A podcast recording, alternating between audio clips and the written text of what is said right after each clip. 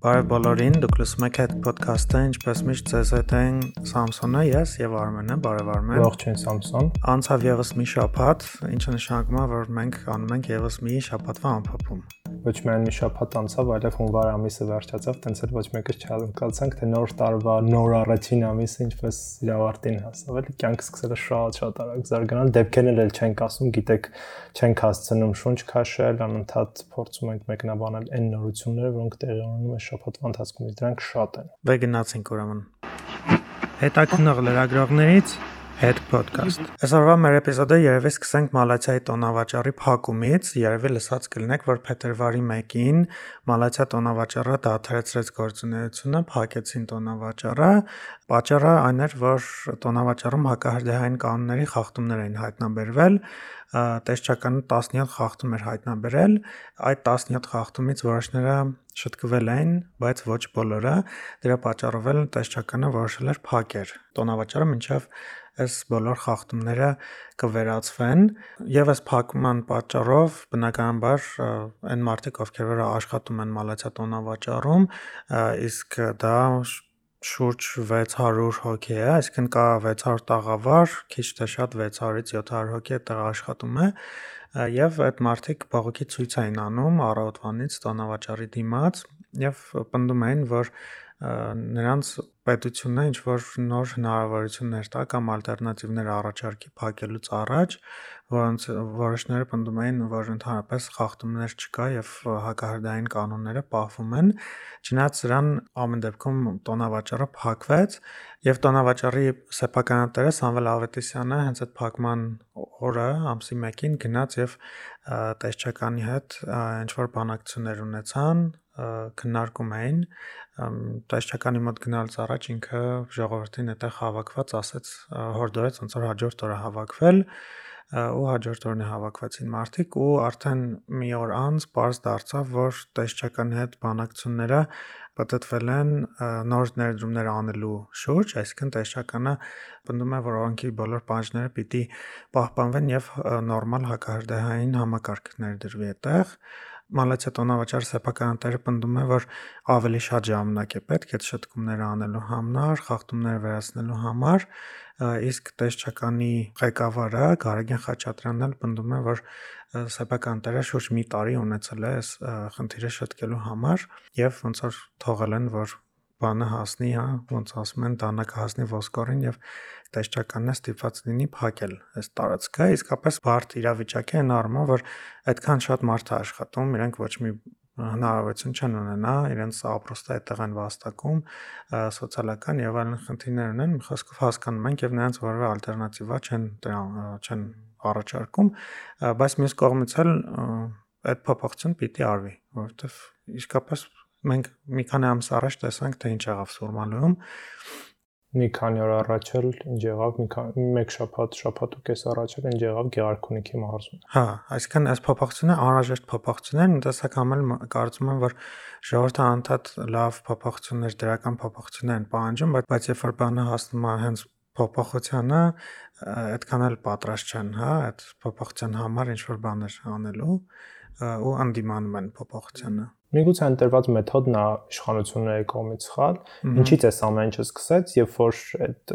թե Սուրմալոյի դեպքերը, թե արդեն հայձին ծառայողների հետ կապված դեպքեր որ եղավ կառավարության նիստում Փաշինյանը պահանջեց որ այսպես ասած շրջան գեստապոյի պես բոլոր օբյեկտներում եւ ստուգեն հակարդային անվտանգության կանոնները այսինքն ինչեւ դանակը ոսկորեն չի ասնում նաեւ այստեղ կա պատկան մարմինների թերությունը, միջև ինչ որ մի հատ արտարոց երևույթ տեղի չի ունենում, իրանք չեն գնում ֆռում, չնայած դա իրանք լրիվ պարտավորությունն է, պարտականությունն է, իրանք դա պետք է անեն։ Չպիտի լինի դեպք, որ հետո նոր ստիպված լինեն այդ գալեջկան դնելու համար այդ ստուգումներն իրականացնել։ Հասարակաբար երբ որ երկրի ղեկավարն է ասում ինչ որ բան արեք ու գնում են դրանից դա ասելուց հետո միայն անում են, խոսում են նրա մասին, որ համակարգը լավ չի աշխատում, օրենքի պահանջները չեն կատարվում ու շատ դեպքերում այս տեսչական մարմիններն ուղղակի անտեսում են օրենքի օրենքի պահանջները, այստեղ նաև շատ կա կոռուպցիոն ռիսկեր, եթե մի քիչ ավելի խորանանքել ի սկզբանե նաև այդ տարածքները պիտի հագեցած լինեն հենց կառուցապատման ժամանակ, այսինքն պիտի տեսչական մարմինը հետևի հենց կառուցման օրվանից արդյոք պահպանվում են հակահրդեհային կանոնները ու պահանջները, թե ոչ, ու ոնց որ չեն հետևել ու երևի կարելի ասել 90%-ը հա երկրի ինչ որ նման կառույցների շինությունների չի պահպանվում, բայց ամեն դեպքում այս այնպեսի փոփոխություններ են, որոնք որ ուշ թե շուտ պետք է սկսել անել։ Մի բան էլ ասեմ, տեսչական մարմնի ղեկավար Գարագին Խաչատրյանն էլ նշել էր, որ եթե անհրաժեշտ ներդրում իրականացնելու մասով ընկերության տնօրինությունը հստակ ժամկետում այն իրականացնելու դրական դիրքորոշում չհայտնի, տոնավաճառի գործունեությունը չի վերսկսվի։ Այսինքն այստեղ տեսչականի դիրքորոշումը բավականին խիստ է Հա, ամեն դեպքում այստեղ, այսպես ասած, գործողություն անողը պետքա լինի միայն այդ տնտեսվարը, ով սեփականատեր։ Եվ ավելի ճիշտ էլ կլներ, որ այդ բողոքի ոնց որ ձայնը ուղված լիներ սեփականատիրը, չէ՞, որովհետեւ վերջի վերջը իր տարածքն է։ Այո նույն այդ տնտեսվարողներն իրանք, չգիտեմ, տեղի գումար են վճարում, հաստատ իրանք անվճար չեն այդ տարածքը։ Պարտավոր են այդ իրենց վճարած գումարի դիմաց պահանջել պայմաններ իրենց աշխատանքի բնականon իրականացման համար։ Ես համոզված եմ, որ դժվար թե իրենք այդ վարձակալության վերցնելիս այդ տարածքը նման բաների վրա ուշադրություն դարձնեն։ Բայց դա շատ կարևոր է սամս մենք առերյամ ասելով մենք ասելով քաղաքացիներ թեկուս նաև որպես լրագրող միշտ ուշադրություն ենք դարձնում ինչ որ ինդեքսների, ինչ որ ամենամյա հրապարակումների, որոնք այս կամ են ինչ որ ուղությամբ կամ այս կամ այն թեմայով սկսում են երկրների դասակարգումներ անել ըստ հիմնված որոշակի տվյալների, որոշակի ուսումնասիրությունների։ Եվ այս շփաթ հրապարակվել է նաև կոռուպցիայի ընկալման ինդեքսը, որը Transparency International միջազգային հակակոռուպցիոն կազմակերպությունն է իրականացնում, եւ այս ինդեքսը ինքը ուսումնասիրում է թե կոնկրետ տվյալ տարվա ընթացքում պետություններում ինչպես է կամ բարելավել կամ ընդհակառակը ավելի է իրավիճակը վատացել կոռուպցիայի դեմ պայքարում եւ սրա հետ ասոցացված մնացած ոլորտներ։ Ինչպես ասացի, այս շաբաթ հրապարակվել է 2022 թվականի արդյունքը, այդ ինդեքսը եւ Հայաստանը բավականին չասենք շատ, բայց ամեն դեպքում իր դիրքերը զիջել է։ Իհարկե, այդ զիջումը 6 հորիզոնականով է եղել, միգուցե դա վիճակագրորեն ինչ որ sense մեծ ցուցանիշ չի, բայց ամեն դեպքում սա խոսում է ռեգրեսի մասին, որ Հայաստանը անկում է գրանցել կոռուպցիայի դեմ պայքարի ոլորտում, չնայած օրինակ կառավարությունը ինքը հայտարարում է, որ հակակոռուպցիոն պայքար է իրականացնում, հակակոռուպցիոն դատարաններ են ստեղծվել, հակակոռուպցիոն դատարան է ստեղծվել, որը քննում է այդ բոլոր գործերը, բայց ամեն դեպքում միջազգային ուսումնասիրությունները հակակոռուպցիոն կենտրոնները ցույց են տալիս, որ հակառակ process-ն է Հայաստանի Հայաստանում տեղի ունենում եւ progress-ի փոխարեն մենք ունենք regress։ Բայց ինչևէ անդրադառնանք բուն հենց այս ինդեքսին, Ինդեքսը 180 երկրների եւ տարածքների շրջանում է ուսումնասիրություն իրականացում, ընդ որում 0 միավորը, երբ որ պետությունը ստանում է,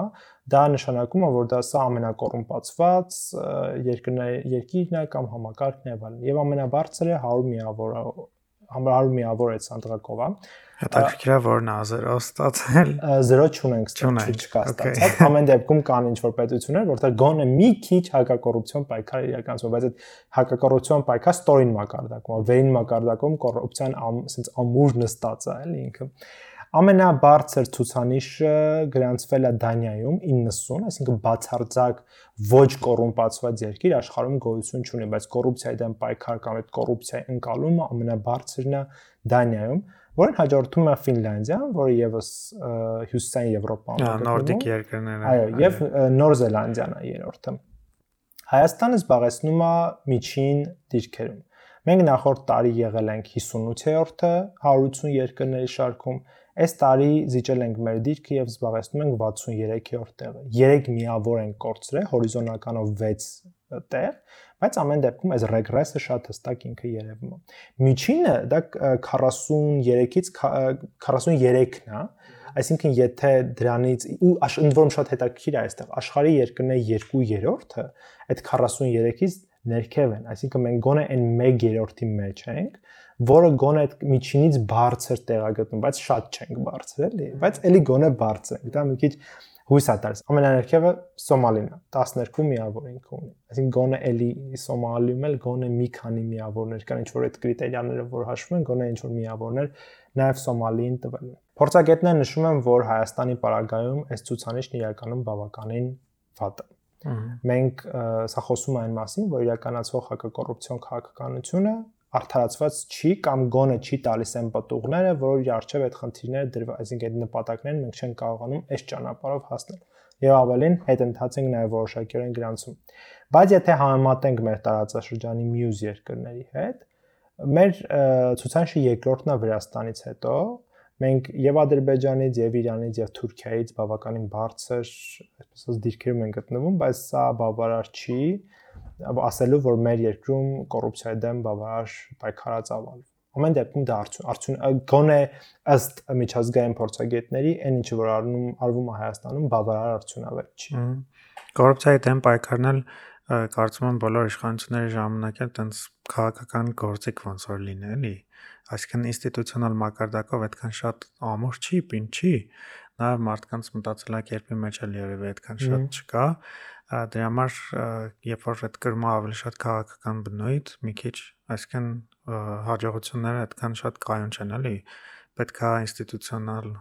հիմքի վրա դրվի։ Նախ եւ առաջ նաև մարդկային մտածելակերպի փոփոխություն պետք է լինի, ասենք բոլորս էլ ընդունում ենք, չէ՞, որ կան երևույթներ, որոնք իրենց էությամբ կոռուպցիոն են, բայց այնակ հայաստարակության կողմից դա չի դիտարկում որպես կոռուպցիա։ Սկսած, չգիտեմ, ուսուցիչներին ինչ որ նվեր առնելուց,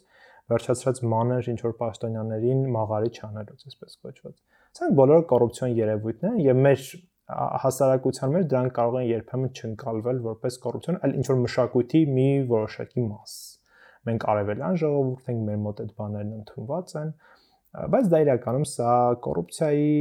գործոնն է եւ հենց նման է, ասենց այս բաները միավորվելով իրար, դաշտը ամբողջ այդ համակարգը սարքում են կոռումպացված։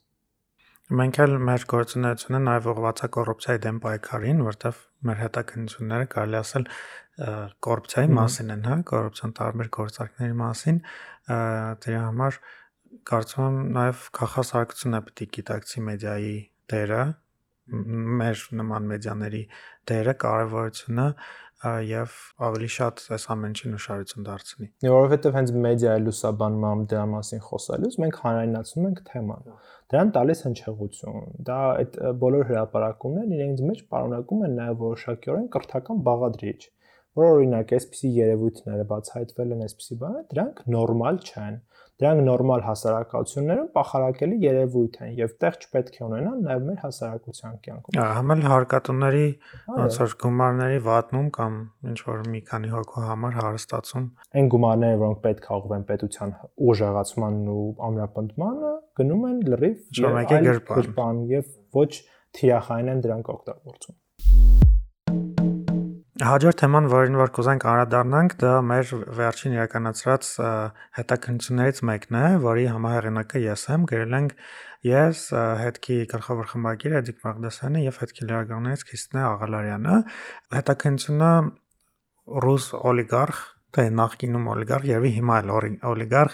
Միխայել Խադարկովսկու հիմնած նավթային Yukos Oil ընկերության մասին է, ավելի կոնկրետ այդ Yukos-Oil-ի հայաստանյան դուստր ընկերության մասին է։ Երևի կհիշեք, մենք անցած տարի մասնակցել ենք անդերսամանային լրագրողական հետաքննությանը, որի անունն էր Swiss Secrets։ Հետաքննությունը հիմնված էր բանկային արտահոսած տվյալների վրա, որոնք Credit Suisse շվեյցարական բանկում հաշիվների մասին տվյալներ էին, եւ այս տվյալների մեջ կան շատ խնդրահարույց մարդիկ ոչ միայն Եվրոպայում, Ամերիկայում, տարբեր երկրներում, այլ նաև Հայաստանից այդպիսի մարդիկ կային, օրինակ պատմություններից մեկը Նինա Մինասյանի մասին էր, որի համար որ 14 տարեկանում Շվեյցարիայում այդ Credit Suisse-ում բացել էին հաշվի համար եւ այդ հաշվի համարին 100 միլիոնից ավել գումար կար այս հետաքննությունը մենք անցած տարի ենք հրապարակել, կարող եք կարդալ։ Խոսքով այսպիսի հետաքննություններ են, որոնք որ վերաբերվում են բանկային հաշիվներին եւ դրանց վրա ինչքան գումար ունի ու ով ինչքան գումար ունի եւ այս անգամ հետաքննությունը այս Yukos-ի հայաստանյան դուստր ընկերության մասն էր, որի հաշվին եղել է ավելի քան 150 միլիոն շվեյցարական ֆրանկ։ Բայց խնդիրը նրանում չի, որ այդքան գումար կա, որովհետեւ Yukos-ը իսկապես շատ մեծ ընկերություն է, այլ նրանում է, որ Oil հայաստանյան դուստր ընկերության ղեկավարությունը ընդհանրապես տեղակ չի այդ բանկային հաշիվներից։ Մենք խոսել ենք նրանց հետ, հարցումներ ենք ուղարկել, զրուցել ենք այս թեմայով եւ նրանք պնդում են, որ ընդհանրապես տեղակ չեն ինչի մասն է խոսքը։ Նաեւ կապ ենք հաստատել Yukos Oil-ի արդեն հիմա ոնց որ ժառանգ ընկերությունների հետ իրենց իրենք էլ պնդում են, որ բացարձակ տեղակ չեն այդ ինչ գումարներ են, մեզ նույնիսկ փաստաթղթեր են ցույց տվել ինչ որ տարօրինակ իրավիճակ է ստեղծվել, հա։ Իսկ Credit Suisse-ը բանկը չի պատասխանում մեր հարցումներին, չնայած նրան, որ մենք մի քանի անգամ տարբեր ուրիշ հետաքննությունների վերաբերյալ հարցումներ ենք ուղարկել ու Credit Suisse-ը միշտ պատասխանել է մեզ։ Նույնիսկ պատասխանել է այսպես վախեցնելով, ինչ որ սպառնալով, որ դատի կտա մեզ, հա legal notice-ներ է ուղարկում մեր հարցումների դիմաց, բայց այս անգամ ընդհանրապես չի պատասխաné եւ հաշվի առնելով թե Yukosol-ի ինչ մեծ ընկերություն է, ինչքան մարդ է այդտեղ աշխատում, ինչքան տարբեր դատական գործեր են եղել, այս հետաքննությունը կարող է շատ տարբեր արդյունքներ ցույց տալ, հա, եթե ինչ որ զարգացումներ լինեն, բնականաբար մենք դրա մասին կգրենք, ես ակտիվ կհետևեմ զարգացումներին, անկեղծ ասած այդքան շատ տարածում չգտավ, այդքան շատ մարդիկ չկարդացին, որովհետև չգիտեմ, մեր հասարակությունը մի քիչ զգայունությունը նման թեմաների հանդեպ պակասել է, ինչ որ բարձ պատճառներով, բայց ամեն դեպքում սա կարևոր է, որովհետև ոնց որ հայկական դուստր ընկերության իմչալից այս ընկերությունը այնքան մեծ էր այնքան մեծ այնքան շատ գումարներ ուներ, որ նույնիսկ կարելի էր համատել Հայաստանի բյուջեի հետ։ Շատ-շատ մեծ ընկերություն է, Yukos Oil-ի հայաստանյան դուստրը։ Մի խոսքով, եթե ուզում եք կարդալ, կարող եք գտնել հետքի կայքում մեր հետաքննություններ բաժնում։ Ամփոփելով այս շփաթվա մեր թողարկումը, վերջում անդրադառնանք մի հատ հայտարարության, որը արեց Ռուսաստանի արտաքին գործերի նախարար Սերգեյ Լավրովը 5 շաբթի օրը, երբ որ ինքը հարցազրույց էր տալիս ռուսական RIA Novosti գործակալությանը եւ Russia 24 հեռուստաընկերությանը,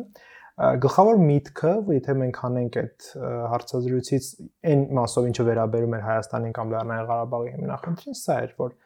2020 թվականի պատերազմին Ադրբեջանը վերադարձրեց այն տարածքները, որը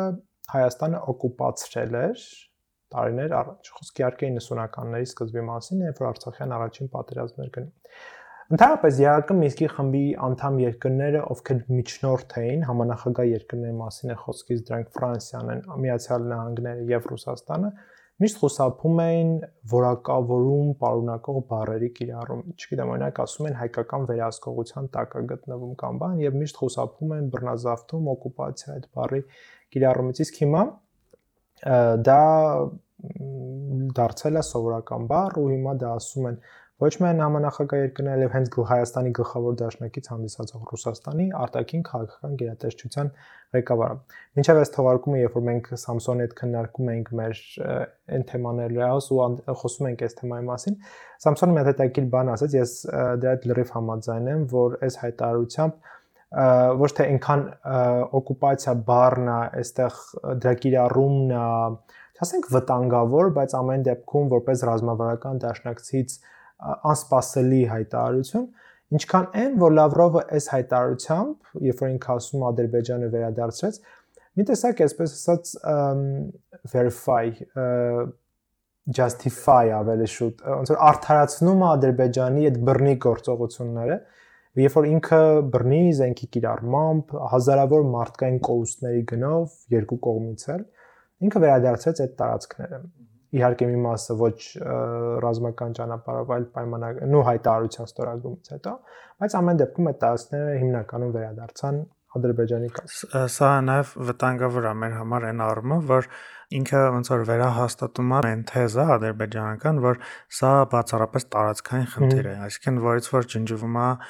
Լեռնային Ղարաբաղի ժողովրդի ինքնորոշման իրավունքը, այն հանգամանքը, որ Ադրբեջանի կազմում Արցախի հայկական բնակչությունը կամ ընդհանրապես արցախցիները չեն կարող ապրել, որովհետև դա իր մեջ էթնիկ զտման վտանգա պարունակում, նոր ցեղասպանության վտանգա պարունակում։ Լավրովի եւ մնացած գործիչների համար նման երևույթներ երկրորդական են։ Փաստորեն նրանց համար առաջները տարածքային ամբողջականության այդ հարցն է եւ ընդհանրապես մեկը թե այնտեղի ապրող բնակչությունը արդյոք պատրաստ է նման պայմաններում ապրել, թե ոչ։ Ինչ էլի հայտարարությունը Լավրովը այդ հարցազրույցի ժամանակ ասեց, նա պնդեց, որ դարձյալ նա խոսեց ինչու Հայաստանի Հանրապետությունը չստորագրեց ՀԱՊԿ-ի հետ հրճակագիրը, նշելով որ սկզբում Հայաստանի իշխանությունները կողմ էին եւ ասում են որ իրենց պետք է դա, բայց չստորագրեցին զուտ այն պատճառով, որ այդտեղ հստակ կատեգորիկ գրված չէր, որ ՀԱՊԿ քննադատում դատապարտում Ադրբեջանի գործողությունները, այնտեղ շատ մի հատ հետաքրքիր նախադասություն կար։ Ասում է դա չէր գրվել, որովհետև անդամ ոչ բոլորն էին պատրաստ նման հայտարարության տակ ստորագրել ինձ ինձ թվում է այդտեղ ոչ բոլոր բարի ոչը պետքա հանել, այսինքն բոլորը պատրաստ չէին դրա տակ ստորագրել։ Բնականաբար թյուրքախոզ երկրները Ղրղստանը, Ղազախստանը հաստատ չեն ստորագրի, որովհետև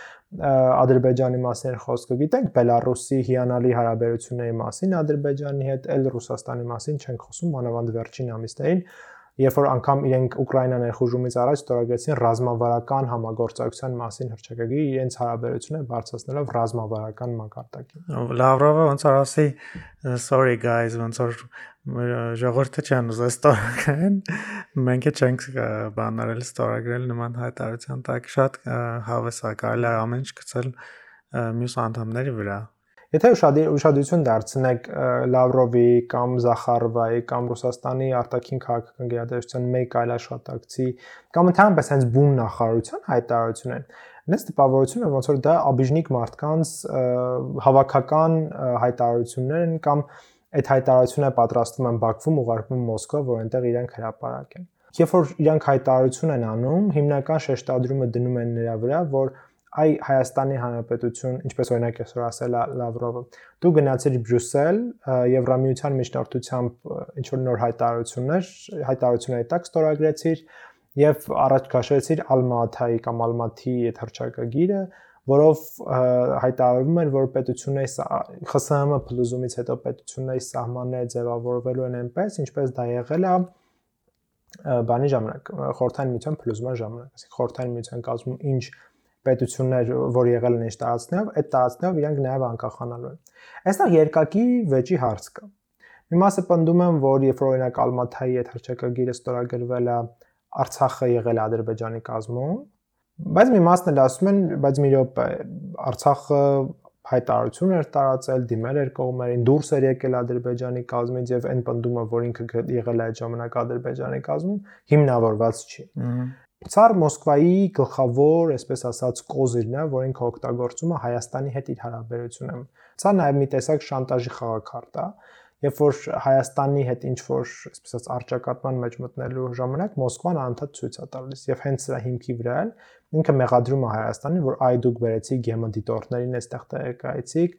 անտեսեցիք լրիվ լրիվ մեր ՀԱՊԿ դիտորդների առաջարկը,